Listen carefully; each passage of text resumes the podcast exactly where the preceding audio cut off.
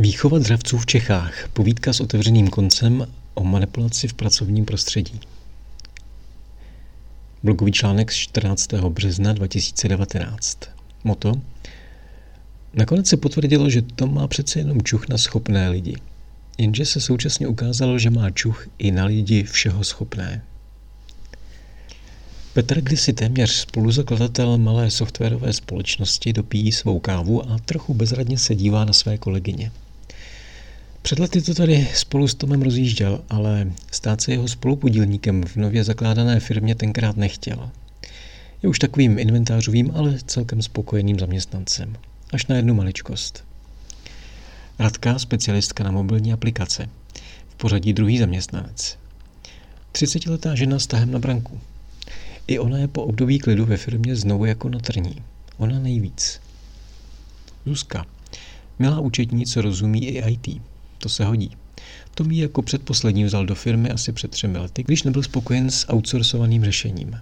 Ještě rok zpátky ale byla Zuzka ze situace ve firmě na prášky. Teď už je pár měsíců v pohodě. Hlavně díky Radce, ale i díky Petrově spolupráci. Co se stalo? A co se ve firmě děje teď, že jsou všichni tři opět v pohotovosti? Musíme se vrátit o dva roky zpátky. Majitel firmy Tom tehdy na milé Zuzce naplno projevil svou nutkavou potřebu ponižovat a nenápadně své kolegy zaměstnance šikanovat. Petr byl na toto kolegovo chování roky zvyklý a úspěšně ho ignoroval. Ve skutečnosti to byl důvod, proč s Tomášem do založení společné firmy tenkrát nešel. Ale to, co se dělo se Zuzkou, bylo i v Petrových očích trochu moc. Radka si s těmito Tomovými projevy vždycky věděla rady. Nic moc si na ní nedovolil – Až Tomem zcela zdeptaná Zuzka jí pomohla, aby pojmenovala, s kým má ve svém šéfovi tu čest. S jasným vztahovým predátorem, možná až deprivantem. Zuzka měla štěstí. Radka měla s touto patologií zkušenosti ze své rodiny. Když dospěla, dokázala se s pomocí jiné kamarádky osvobodit z vlivu svého otce. Nyní byla sama schopna pomoct i vnímavé Zuzce. Spojili s Petrem síle a Toma od zneužívání moci postupně odstavili. Firma začala šlapat jako hodinky. Tom se dál věnoval schání zakázek, ale vůči zaměstnancům už jeho zuby klapaly na prázdno. Kontramanipulace pracovala na jedničku. Jediný, kdo byl nervózní, byl pan šéf. Asi roka půl zpátky byl do firmy přijat mladý, trochu plaše působící Karel. Všichni na něj byli zvědaví a těše doufali, že do týmu dobře zapadne.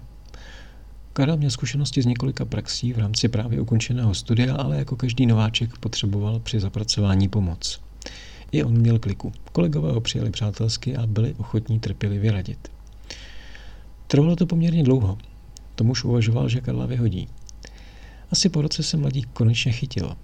Byla to pro všechny úleva. Karel byl schopen převzít celou jednu pracovní agendu a občas si dokázal i sám poradit s problematickými situacemi, které chod firmy pravidelně přinášel. Nakonec se potvrdilo, že Tom má přece jenom čuch na schopné lidi – Jenže se ukázalo, že má čuch i na lidi všeho schopné. Ve firmě totiž krátce potom opět začalo být dusno. Karel se začal chovat poněkud zvláštně. Na oběd s ostatními sice chodil, ale moc se s nikým nebavil. Za to, když do kanceláře přišel Tom, nebo když s ním telefonoval, viditelně ožil. Když ho zvali, aby šel s nimi na občasné páteční posazení do jejich oblíbeného baru, nikdy se k tomu jasně nevyjádřil. A skoro nikdy také nepřišel – Vlastně jenom tehdy, když účast přislíbil i Tom. Zlom nastal před dvěma týdny. Tomáš na závěr pravidelné pondělní porady vytáhl téma, které všechny šokovalo. Oznámil, že do konce měsíce bude instalován software na monitorování všech procesů na všech firmních počítačích. Petr, Radka i Zuzka se na sebe dlouze podívali. Karel měl oči zabořené do desky stolu. A když při další poradě dostal Petr od Toma sodu v souvislosti s jeho způsobem telefonování, tak se atmosféra v kanceláři opět dala krájet. U toho trochu ostřejšího Petrova telefonátu s protivným zákazníkem minulý pátek přece Tom na rozdíl od ostatních nebyl. Když si k tomu ti tři přičetli čím dál častější osobní konzultace Karla u Tomáše, všem jim začalo být jasné, která by je. Zuzka proto našla své pojmenování. Výchova dravců v Čechách. Poznámka pod čarou Deprivant je termín zavedený Františkem Koukolíkem k označení člověka, který z psychologických, biologických či sociokulturních důvodů nedosáhl lidské normality. Případně o ně přišel.